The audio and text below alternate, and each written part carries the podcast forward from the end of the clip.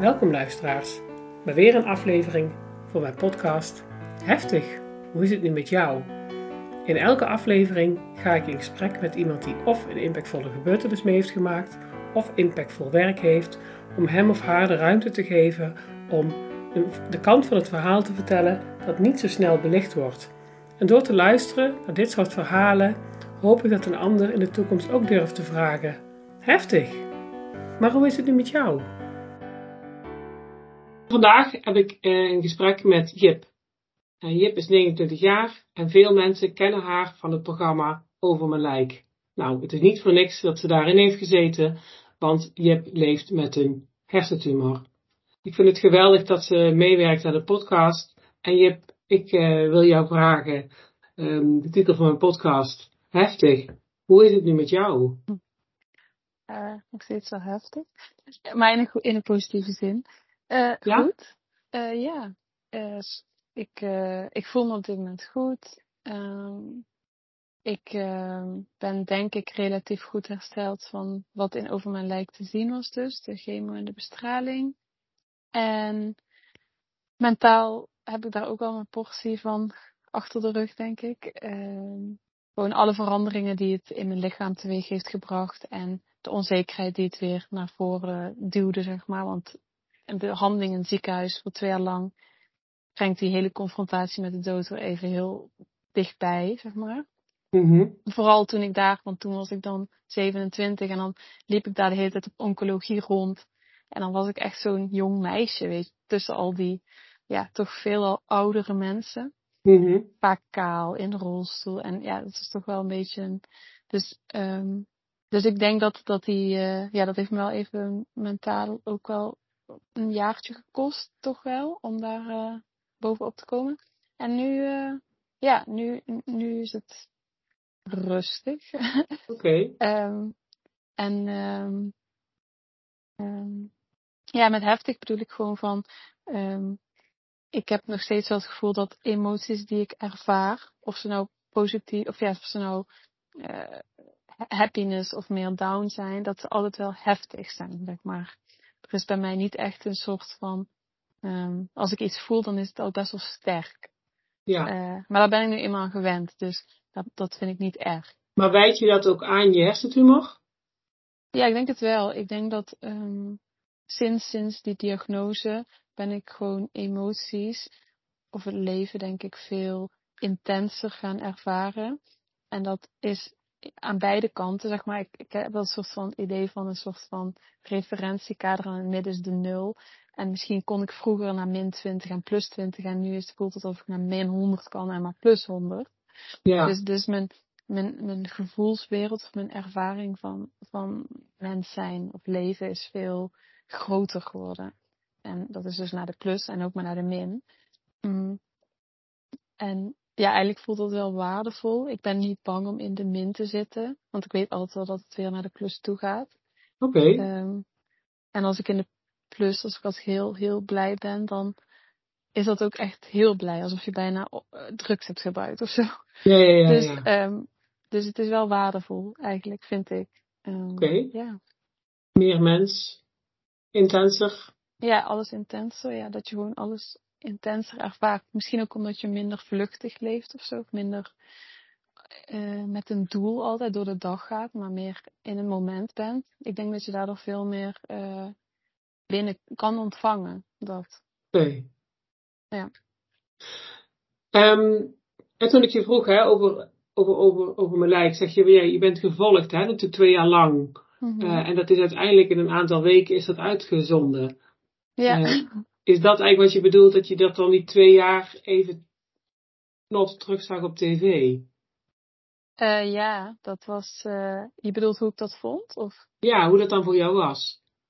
Mm, ja, in het begin had ik er wel een beetje moeite mee, omdat ik dacht van. Um, ja, het is veel te gesimplificeerd. Ja. En, en ook had ik heel erg de neiging om, om, om mijn verhaal te doen of zo in, in een diepere vorm.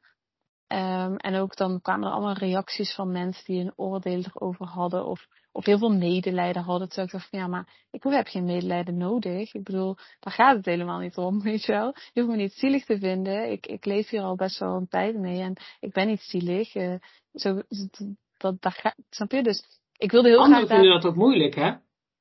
Ja, blijkbaar. Terwijl ik ben al veel verder in dat proces. En uh, ik heb ook nooit in mijn leven gevoeld, gevoel gehad van, oh, het is oneerlijk of zo. Nee? Want, nee, want life in essence is oneerlijk. Ik bedoel, er, eerlijkheid bestaat niet. Dat, nee, dat, klopt. dat, pro dat proberen wij uh, te forceren. Of, maar dan verwachten we ook van de natuur of zo, dat die dat dan ja. is. Um, dat is een menselijk begrip. In de zin van, uh, bijvoorbeeld Ava zegt wel eens tegen mij, dan groeien er allemaal jonge boompjes om een grote boom heen. Dan zegt ze, mama dat is zielig dat die niet kunnen groeien, weet je wel. Dat dan de gemeente die weghaalt. Ja. Maar dan zeg ik, ja maar die hebben toch geen kans om te groeien. Want die grote boom die haalt het uh, zonlicht en de... Um, zeg maar, die, die hebben ook niet genoeg bodem om in te kunnen groeien. Dus ook in de natuur, zeg maar, er moet altijd sterven dingen om weer om weer uh, nieuw leven te laten groeien. En dat is ook een balans. En ik heb het idee dat als mens, ook ik, je leefde in een illusie dat je zeg maar heel veel controle daarover hebt of zo. En ik ja. voor mijn gevoel door te, zeggen, door te zeggen het is oneerlijk, dan probeer je alsnog die controle uit te oefenen. En dus heb je bepaalde verwachtingen van het leven. Ja. Um, ja, en bij mij zijn die wel, die, dat, heb ik, dat heb ik niet. En door het tv-programma werd ik daardoor heel erg zo aangesproken. En ja, maar niet van de tijd heb ik dat losgelaten. Ja. Um, want, want ja, dat kun je niet oplossen. Je kan niet mensen gaan uitleggen hoe jij het ziet. Dat, dat was gewoon geen mogelijkheid toen. Nee, heel Nederland keek mee. Ja, maar ook gewoon. Ik heb ook echt beseft dat. Mm, iedereen is anders. Dus, dus kijk, ik kan er wel zo naar kijken. Ik kan wel vanuit mijn ervaring praten. Maar iemand die weer een heel ander leven heeft gehad. Of misschien gewoon heel anders in, in elkaar steekt. Een heel ander karakter heeft. Of misschien een bepaalde geloofsovertuiging. Die, die kan misschien überhaupt niet meegaan in mijn gedachtegang. Ook al zou ik het uitleggen, mm -hmm. snap je? Dus wat heeft het ook voor zin dan? Of zo. Um, en ik dacht ook van de mensen die het wel kunnen ontvangen, die ontvangen het sowieso wel. Daar hoef ik niet uh, nog, nog veel meer uitleg bij te gaan nee. geven of zo. Um, maar dat kostte me wel even hoor. In het begin had ik daar best wel een beetje moeite mee. En ik heb ook echt niet gekeken naar de afleveringen zelf. Nee, dat, was, dat wilde ik je vragen. Heb je gekeken en hoe nee. keek je dan? Met wie nee. keek je? Je hebt niet gekeken? Nee, ik heb niet Ik had ook geen televisie trouwens. Dat hebben we nooit gehad. Maar ik kon het dan wel live volgen op NPO eventueel. Maar nee, dat heb ik niet gedaan. Ik heb het wel een paar keer zo bij uitzending gemist, een beetje teruggekeken. Maar dan, dan skipte ik ook heel veel, omdat ik gewoon eigenlijk, ik weet niet. Ik, ik dacht ook van ja, ik, moet, ik, wil, ik wilde het ook loslaten. Ik wilde ook gewoon maar het vertrouwen hebben dat het wel goed zat. Ik heb natuurlijk ja. van tevoren heel duidelijk met het team afspraken gemaakt en gezegd van. Mm, nee, nee, het was ook gewoon denk ik, ik had vertrouwen in het team uh, van, die over mijn lijk maakt. Maar ook, um, ik, had, ik had echt geprobeerd om tijdens het filmen heel dicht bij mezelf te blijven. Dus ik dacht ook, als ik dicht bij mezelf ben gebleven, dan kan er niks op tv verschijnen waar ik niet achter sta. Snap je? Ja. Dus eigenlijk, ja, daardoor denk ik ook dat ik het gewoon los wilde laten. En ja, ik had zoiets van, nee, doen jullie het maar. Maar ik, ik, ik, heb, ik heb gegeven, maar en dat that's it of zo. Ik weet niet. Ja ik hoefde het niet meer te zien. Je gaf het met handen, je had er ja. vertrouwen in. Ja. Ja. En, uh, en hoe was dat voor Max, je partner? Um, ik denk dat, dat um, hij in eerste instantie niet mee wilde doen. En uh, ik ook niet overigens, maar hij had er denk ik nog langere, uh, zeg maar, um, hoe zeg ik, twijfels over. Uh, maar Max is wel iemand die gewoon zoiets heeft van oké, okay, als, je, als, als, jij, als jij er vertrouwen in hebt, ik vertrouw jou. Dus dat jij wel de goede keuze maakt. En toen is hij daar ook gewoon in meegegaan. En ik denk dat hij het filmen en zo eigenlijk wel. Ja, het was gewoon ook heel lollig en zo. Hè? We hadden ook heel veel lol gewoon. En we gingen gewoon. Uh, dan had Max hummus voor ze gemaakt. Of ze kwamen ons opzoeken in de camper. En we zaten ook gewoon heel veel grappen te maken op die dagen. Dus je bouwt ook gewoon een band op met die mensen. En ik denk dat Max dat juist ook wel heel leuk vond. Ja. het bekend wordt, dat we werden herkend op straat, dat vond hij, vond hij verschrikkelijk. Ja. ik denk dat hij na de eerste drie maanden, de eerste drie mensen nog wel oké. en dan had hij echt zo'n oh, liefdesloon. Ja. En uh, dat hij ook gewoon in de supermarkt gewoon wegliep. Ja.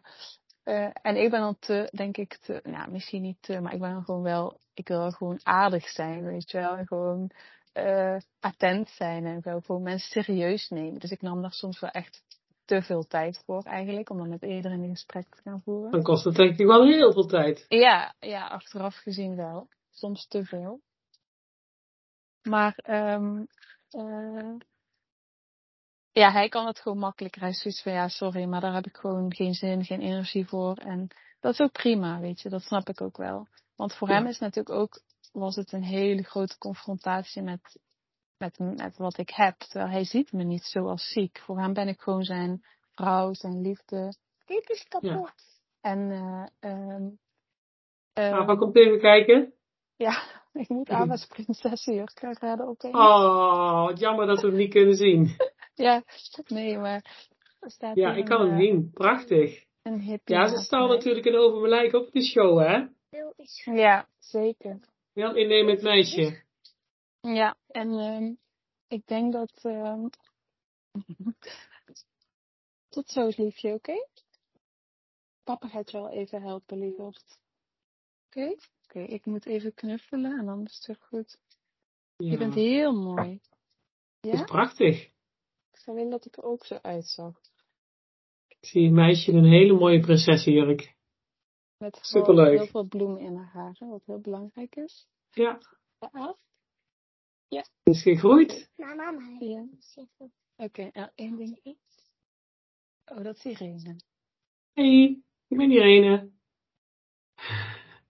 Hey, lieverd, ik ga even weer de deur dicht doen. Tot zo.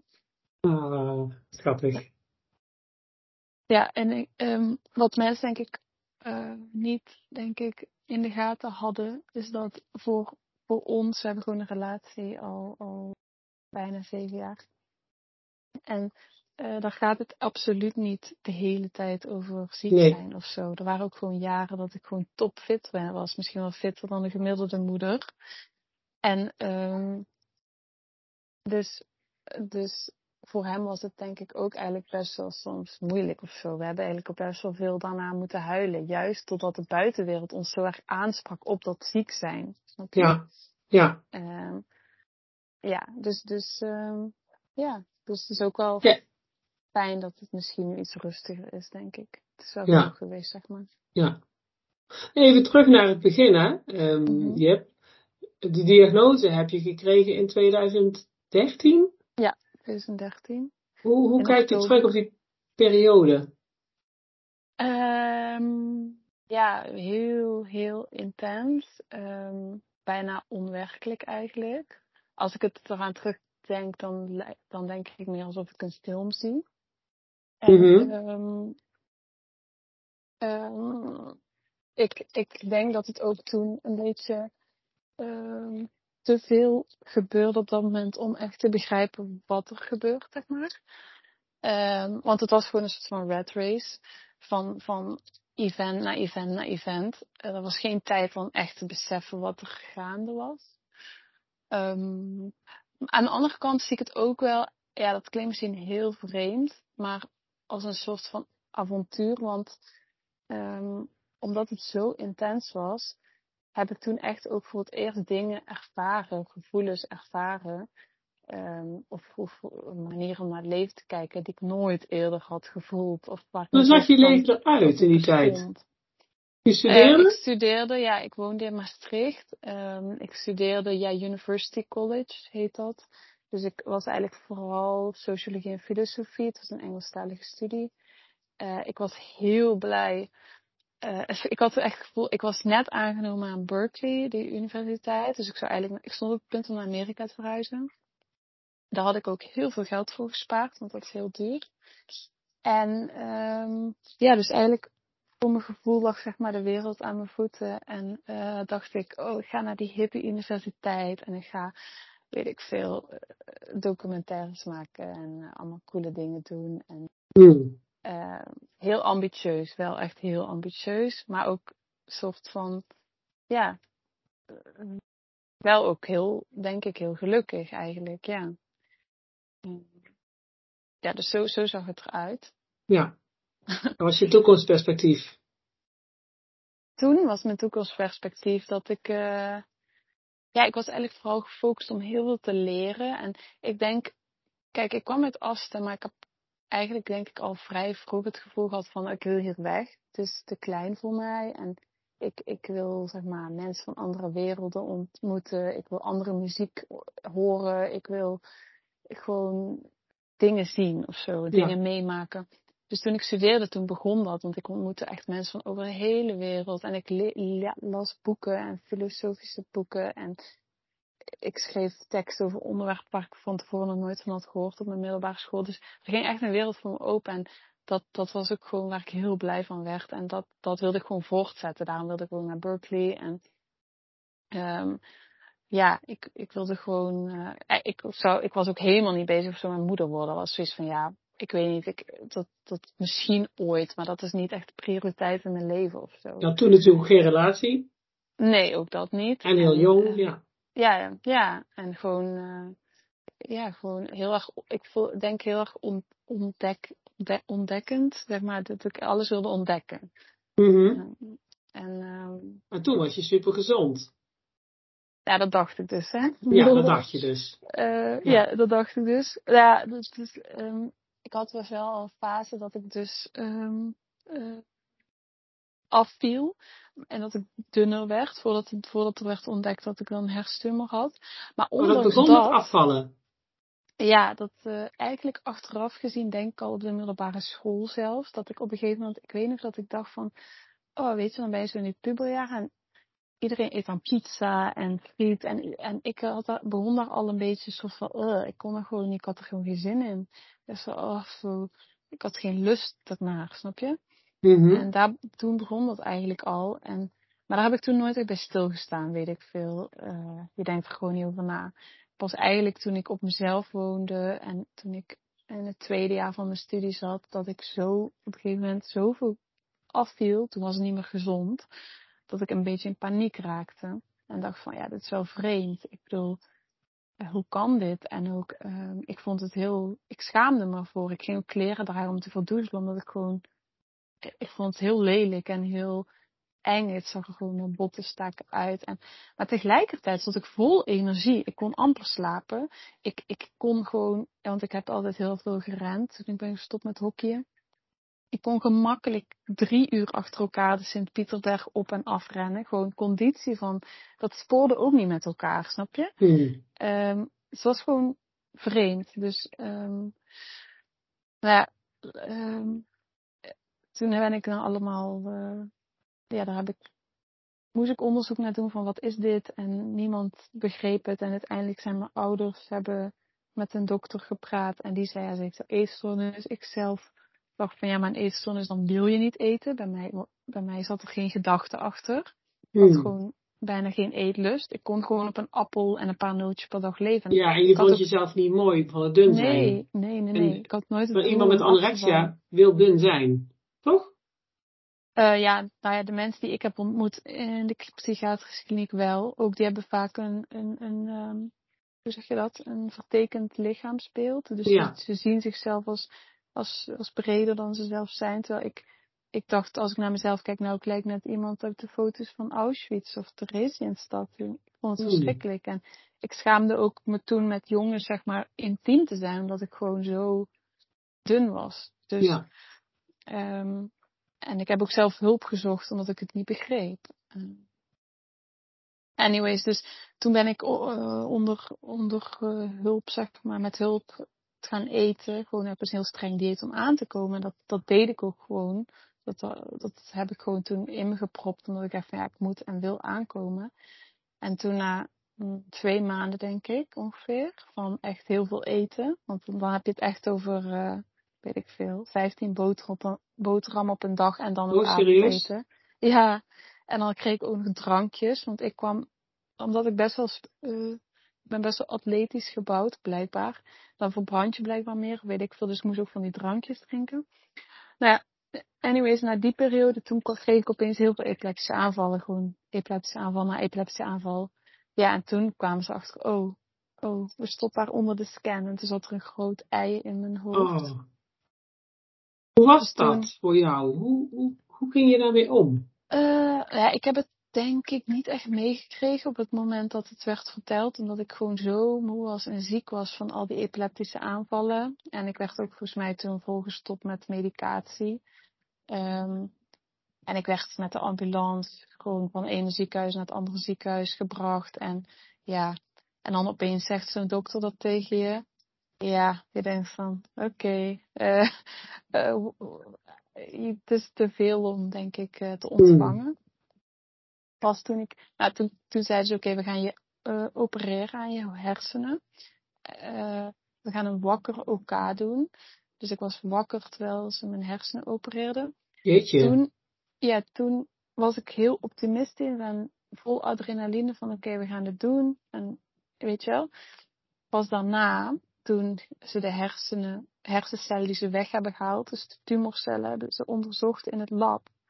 Toen kwam pas naar voren, oké, het is een kwaadaardige kanker, dus je bent niet genezen en je gaat nooit genezen kunnen worden. Ja, dat dus, was zo duidelijk als die boodschap? Ja, ja, dus toen heb ik ook gewoon een aantal jaren te horen gekregen. Want zo, zo lang heb je nog, gemiddeld. Um, dus dan is wat doet het dan met je als je dat hoort? Ja, dat was uh, een duister moment in de zin van, uh, uh, ja, ik, ik, denk dat ik moest huilen, maar ook niet echt kon huilen.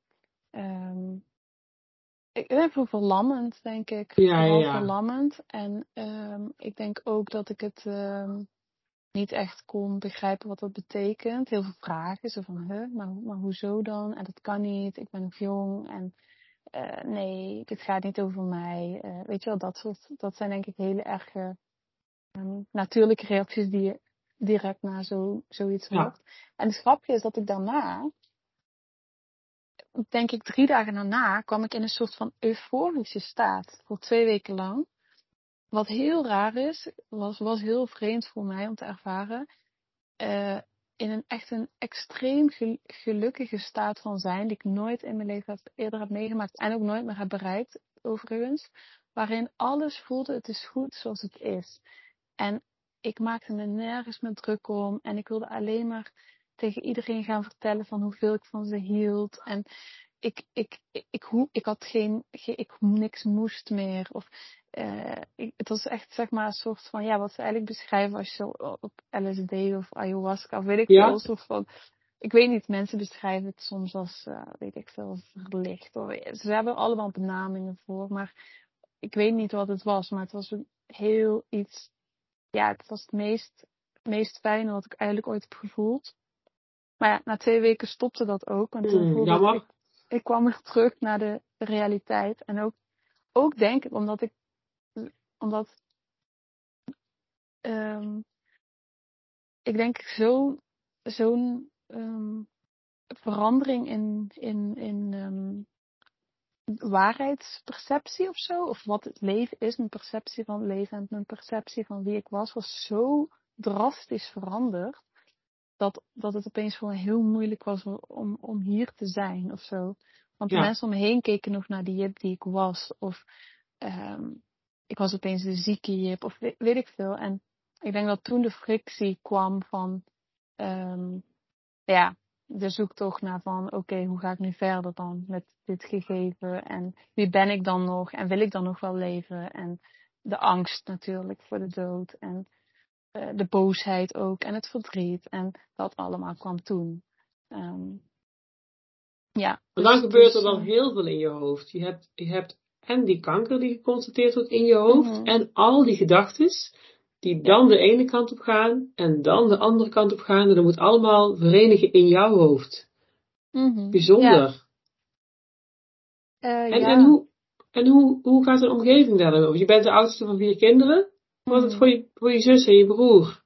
Je ouders? Ja, ik, ik heb vaak het idee dat het voor hen erger was dan voor mij. Um, dat, dat, dat gevoel heb ik. En daardoor ga je denk ik ook proberen toch ook niet alles te uiten. Omdat je ziet hoe, hoe, hoe moeilijk ze het hebben. en intens verdriet en een intense angst. En ook gewoon de effecten die het had op het gezin. Mijn zusje die stopte met studie. Ja, mijn ouders zijn ook in die tijd uit elkaar gegaan. Het was natuurlijk niet de reden, maar het was wel een soort van, uh, misschien wel een druppel, weet je wel, die de emmer mm -hmm. vollopen.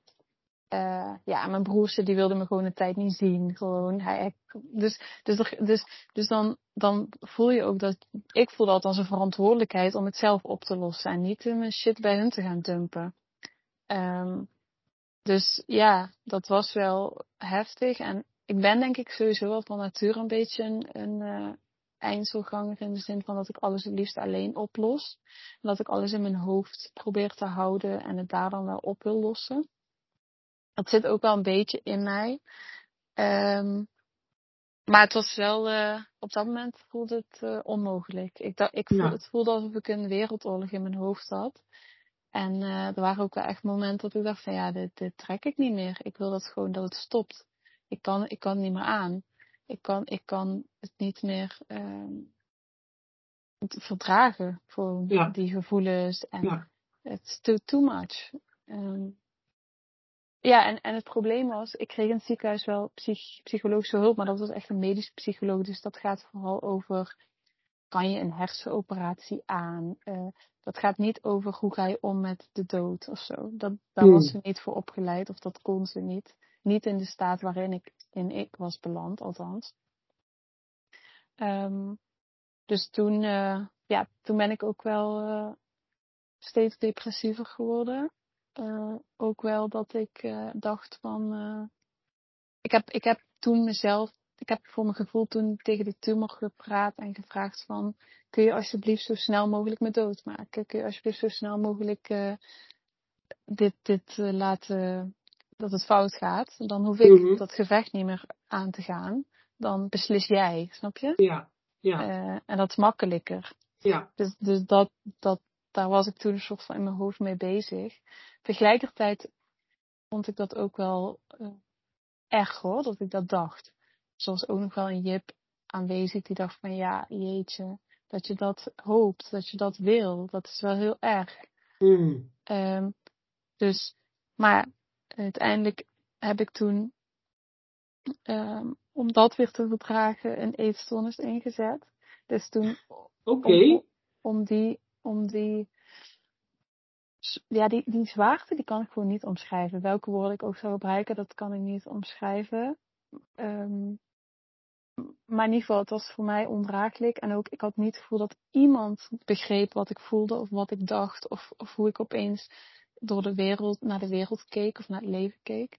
Dus toen, um, toen ben ik toch teruggrepen naar de eetstoornis die ik eerder in de kliniek had, zeg maar, opge op, ja, van geleerd. Hoe ik dat om me heen zag.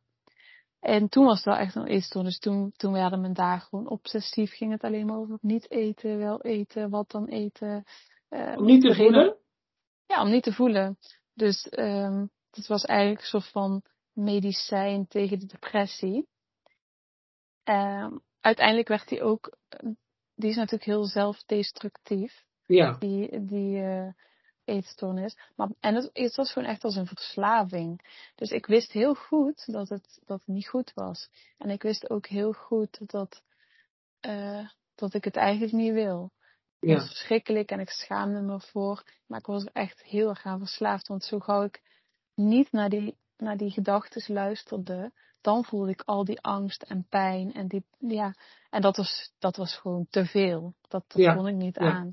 Ja. Dus, dus met, met al, alle man en macht probeerde ik zoveel mogelijk uh, de controle over de eetstoornis zeg maar, te bewaken. Dat, dat, dat ik maar niet die andere shit hoefde te voelen. Ja, extreem gedrag is eigenlijk altijd ergens een oplossing voor in eerste instantie, hè?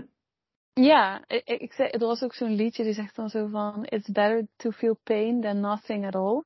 En Ja. voor mijn gevoel was dat ook zo. Zeg maar, ik had liever een extreem hongergevoel.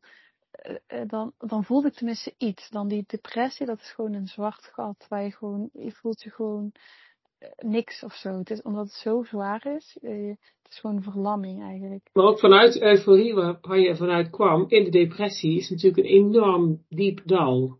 Ja, ja, Ja. ja. En ook, ik denk ook, ik, eh ehm, dat, dat vind ik wel iets wat ik ook probeer een beetje um, met school en zo, dat ik daar heel erg mee bezig ben. Van, ik was toen 19, 20 en um, je leeft toch denk ik voor al die jaren een bepaalde illusie of zo. Zo van, oh ik ga oud worden en de hele leven ligt voor me. Dood, doodgaan is echt iets wat gewoon niet bestaat in je, in je zijn, in je bewustzijn. Dat is een illusie waar we eigenlijk allemaal in leven, zeg jij. Ja, maar ook, maar ook, ook bijvoorbeeld het gevoel van depressief zijn. Dat, dat had ik nog nooit ervaren. Um, en ik denk uiteindelijk achteraf gezien, denk ik van, um, als ik, als ik minder bang daarvoor zou zijn geweest, voor al die dingen, net zoals bijvoorbeeld een eetstoornis, dacht ik van nou, horrible, wie ben ik wel niet geworden? Ik heb ik die een eetstoornis heb? Nou, dat is gewoon, snap je, dat, dat, uh, dus daar heel veel oordelen over hebben. Uh, en dat maakt denk ik een proces naar heling juist veel moeilijker en zwaarder. Omdat um, het is heel natuurlijk, denk ik, dat ik door die fase ben heen gegaan. Het ja. ook noodzakelijk. Dus um, ja, wat wil ik zeggen? Ik heb mijn punt vergeten. Maar in ieder geval, um, ja, het, het, het, het, het was echt nodig om, denk ik, door daar doorheen te gaan om ook weer eruit te komen en weer gelukkig te worden. Ja, want Anders... ik ben dus benieuwd hoe je, daar, hoe je dat dan gedaan hebt. Um, ja, dus eigenlijk denk ik toen ik, um, ik ben uit de kliniek ontslagen omdat ik onhandelbaar was. Oh, gewoon, Maar daar ben ik heel trots op, want ik weigerde gewoon medicatie te nemen. Oh. Ik dacht van ja, jullie kunnen, want, en dat, dat is echt iets waar ik heel, uh, ja, ben ik best wel kritisch over. Ze wilden mij allemaal antidepressiva geven, maar ik, ik zag dat gewoon niet als een oplossing voor wat ik had, snap je? Mm-hmm. Dus ik weigerde dat te nemen. En toen, toen, werd, toen werd ik uh, door de psychiater onhandelbaar uh, genoemd. En toen moest ik weg. En dan wilden ze me naar een nog gespecialiseerdere kliniek brengen. Ergens echt in, weet ik veel, Emmen of zo. Helemaal aan de andere kant van het land. Toen dacht ik echt van, ja, no way. Ik, ik, het is dus een, want het is eigenlijk een soort van gevangenis. En ik mocht niet naar buiten. Mijn raam kon maar op een kiepstandje open.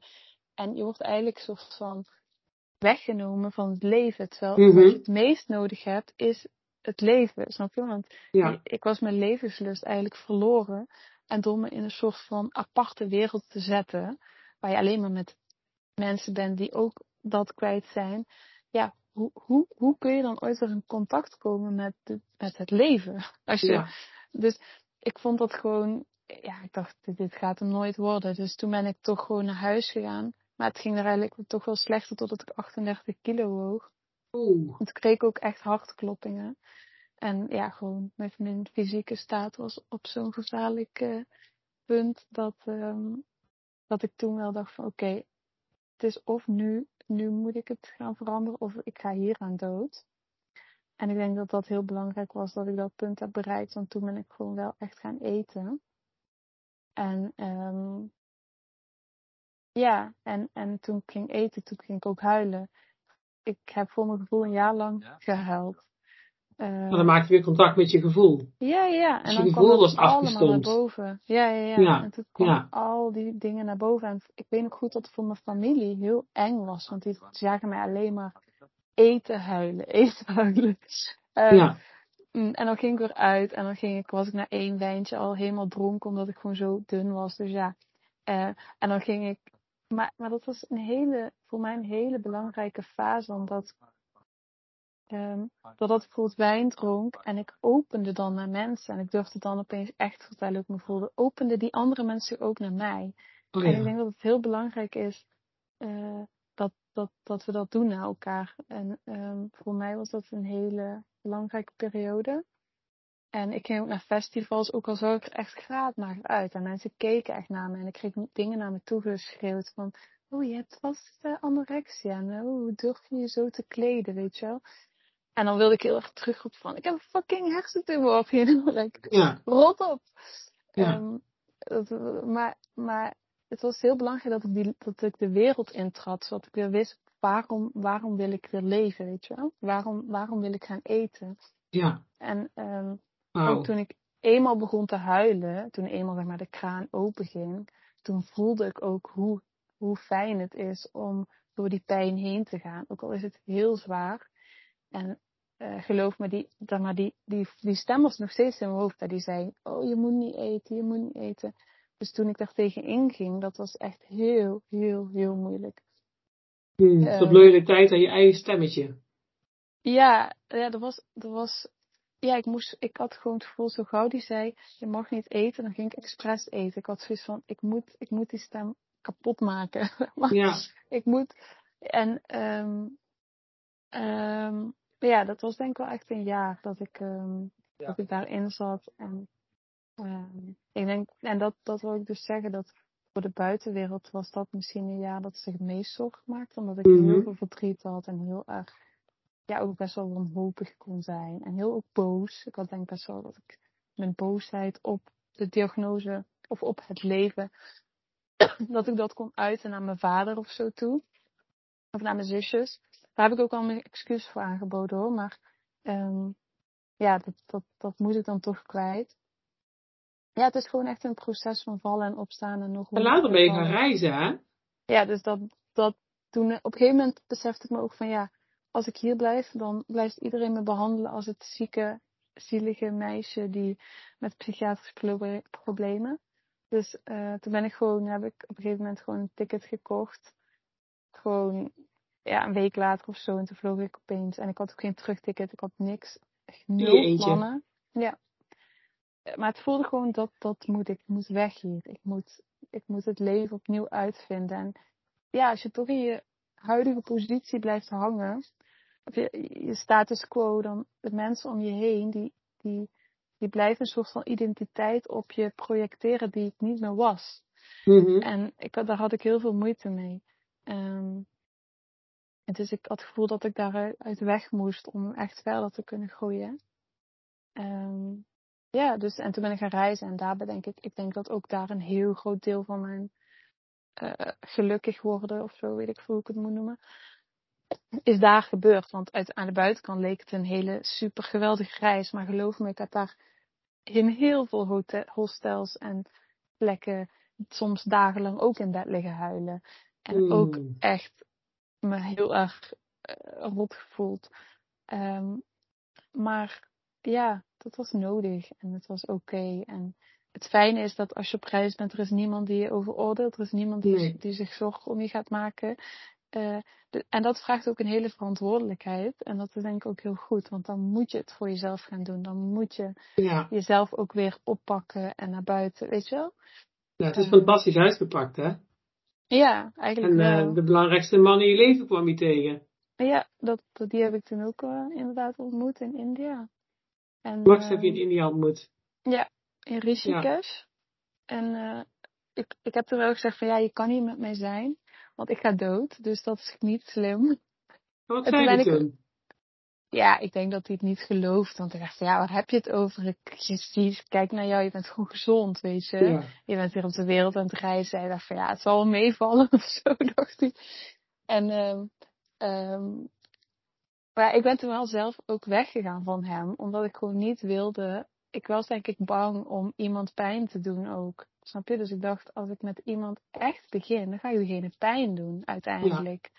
Ja. Uh, dus ik ben ook weggegaan van hem weer.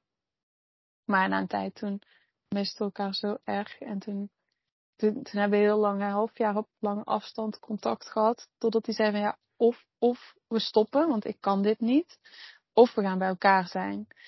Nou, ik was gewoon te pussy om, om, om daar een uh, beslissing over te nemen. Dus toen stond hij gewoon twee dagen later voor mijn neus in Nederland. En toen, uh, ja, sindsdien zijn we eigenlijk nooit meer uh, wow. van elkaar geweest. Mooi verhaal. uh, hij ja. zei gewoon, ik ga ervoor. Ja. En, hij was veel dapperder dan ik op dat gebied. Mm -hmm. Mm -hmm. Ja, zeker. En toen kwam de beslissing voor een kind, hè? nou ja, beslissing. Het was eigenlijk, ja, ik, ik ben, nu vind ik het moeilijk om soms terug te halen hoe vrij ik toen was. Ik was echt angsteloos. Ik was echt gewoon, eh, weet ik, ik stond open voor whatever. Um, op het gebied van reizen, op het gebied van, van mensen ontmoeten, op het gebied van drugs, op het gebied van dus ook een kind krijgen. Um, mm -hmm. En um, dus, dus het was eigenlijk gewoon dat ik op een gegeven moment zei van ja, hoe doen we dat? Want ik wilde eigenlijk geen uh, pillen slikken, want ik slik al zoveel pillen. Maar we moeten wel iets doen, want anders dan, uh, ja. Maar tegelijkertijd, sinds alle behandelingen was ik niet meer echt, uh, ik menstrueerde niet meer. En de doktoren wisten ook niet of ik nog vruchtbaar was. Na al, alle operatie en pillen die ik allemaal had gehad. En mijn eetstoornis natuurlijk had er ook niet echt aan mm-hmm. bijgedragen. dus ik dacht van ja, ik weet niet hoe het zit, maar toch voor de zekerheid moeten we maar wel iets doen. Maar toen na een tijd zei ik van ja, maar waarom, weet je? Uh, ik wil gewoon altijd bij jou zijn en stel dat, dat je toch zwanger raakt, dan betekent ook dat het jouw lichaam dat kan. En dat, ja. uh, dus eigenlijk was toen binnen twee maanden was ik zwanger. Toen was ik best wel in paniek, want ik had me nooit verdiept in, kan ik überhaupt zwanger zijn met deze, weet je wel, met, met wat dingen in mijn hoofd en ja. met die epilepsie en die medicatie ik slik. Dus de eerste man die het wist was mijn uh, neurochirurg in Tilburg. Ja? Ja, dus ik belde hem op vanuit, uh, weet ik veel, Irak of zo. En uh, hij was zo blij en zo gelukkig. En hij was helemaal, ik weet niet, uh, helemaal blij voor mij. En hij was ook helemaal overtuigd dat alles goed ging komen. Dus toen, um, ja, toen, toen was ik ook gewoon gerustgesteld. En toen uh, was ik ook heel blij. En ja. ik, ik, was ook van, van toen, toen, vanaf dat moment ook overtuigd dat het goed kwam. En het is ook echt, ik heb de makkelijkste zwangerschap volgens mij gehad die je wow. kunt hebben. Ze is gewoon heel natuurlijk geboren. Dat ging ook allemaal heel soepel. Um, ja, dus ik, wow. ik, ik, ik, nu, nu, denk, nu, nu zou ik dat niet meer veel kunnen. Zo angsteloos en zo vertrouwend. Ik ben in die zin wel een beetje normaler geworden. ja, zie je dat zo? Ja, in de zin van toen was ik denk ik vlak na de diagnose, toen was ik echt veel, ja, was ik toch nog wel een tikkeltje meer, ja, echt vrij en echt angsteloos. En hmm. ja, en um, ja, daar ben ik ook wel blij mee hoor, want, want uh, dat heeft me ook gebracht wat ik nu heb. Anders had ik het allemaal nooit ja. gehad. Dus Mooi, ook en wel ja, ook die onbevangenheid van zwanger raken, van, dan is het zo. En ja, nu hebben we zo'n beetje het mooiste meisje van de wereld. Ja, en, en ze is ook heel, heel lief. En we zijn met z'n drie echt soort van best friends. Als ik ja. haar naar school breng, dan zegt ze van, maar waarom moet ik dan naar school? Want ik kan toch gewoon altijd met jou en papa spelen? ja. Ik heb eigenlijk niemand anders nodig. Um, maar ik wil toch wel ook wel dat ze met leeftijdsgenoten speelt. En dat vind ik wel echt belangrijk. Maar nee, het is, um, ja, het is echt een cadeau. En soms zijn er ook wel mensen die tegen me hebben gezegd van, uh, door, door de liefde die Ava jou geeft, dat is ook heel, heel erg goed voor je, voor je levenslust. Voor, weet je wel, dus misschien ook dat het je extra energie geeft om, om door te gaan. En, en dat het ook. Zou kunnen. Dat, ja, en dat het ook weer invloed heeft op je fysieke zijn, zeg maar. Dat weet ja. ik allemaal niet, maar het voelt wel uh, dat het me wel kracht heeft gegeven. En een kind is natuurlijk een heel, heel erg uh, bron van, van um, hoe je eigenlijk hoort te zijn. Dat, dat we ja. eigenlijk ook nog kind zijn. Dus um, dat, dat houdt je ook altijd weer, dat, dat eigenlijk staat het ook wel in contact met wat ik heb meegemaakt en de besef die ik toen heb gehad. Een mm-hmm. kind is ook heel erg in nu. En is ook angsteloos en is ook heel vrij. Ja. Dus dat is wel ja. ook, ook fijn. Ja. ja, je geeft elkaar heel veel liefde, dat is mooi. Mm-hmm. En nu leef je best een rustig leven, want je bent gebonden aan Nederland, want Ava moet naar school. Ja, ja. Dat, uh, dat klopt. Um, maar ergens ik vind het niet makkelijk, die, want ik, ik, mijn lichaam vindt routine niet zo fijn. Nee. Uh, die, omdat de ene dag is die zo, de andere dag is die zo, en daar heb ik eigenlijk weinig over te zeggen.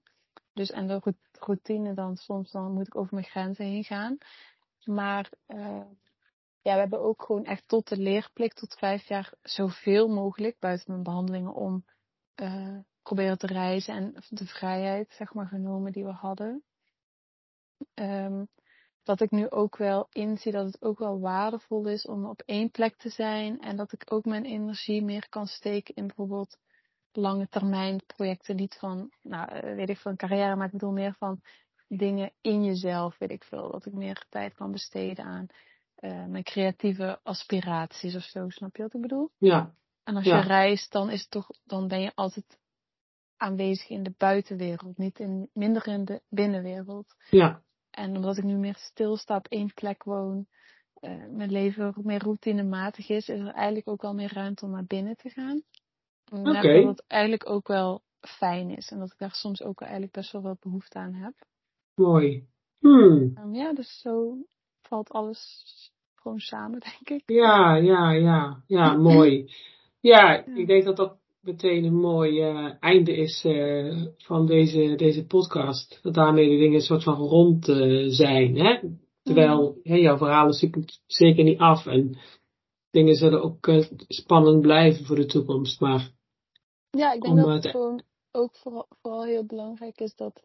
Um, wat ik echt, echt probeer is dat heel veel mensen, die, heb je, die vraag heb je dus gelukkig niet gesteld, maar zo van hoeveel jaar heb je dan nog, weet je ah. Um, maar dat het gewoon echt niet belangrijk is, omdat uh, wat, heb je, wat heb ik eraan? En ik denk ook van die diagnose die ik heb, die, um, wat zegt die? Ik wil dus niet daarna leven, ik wil me daar niet mee identificeren. En stel dat het wel gebeurt, dan gebeurt het toch. Of ik er nu, weet je wel, naar ben gaan leven of niet. Uh, dat heb ik toch niet in de hand.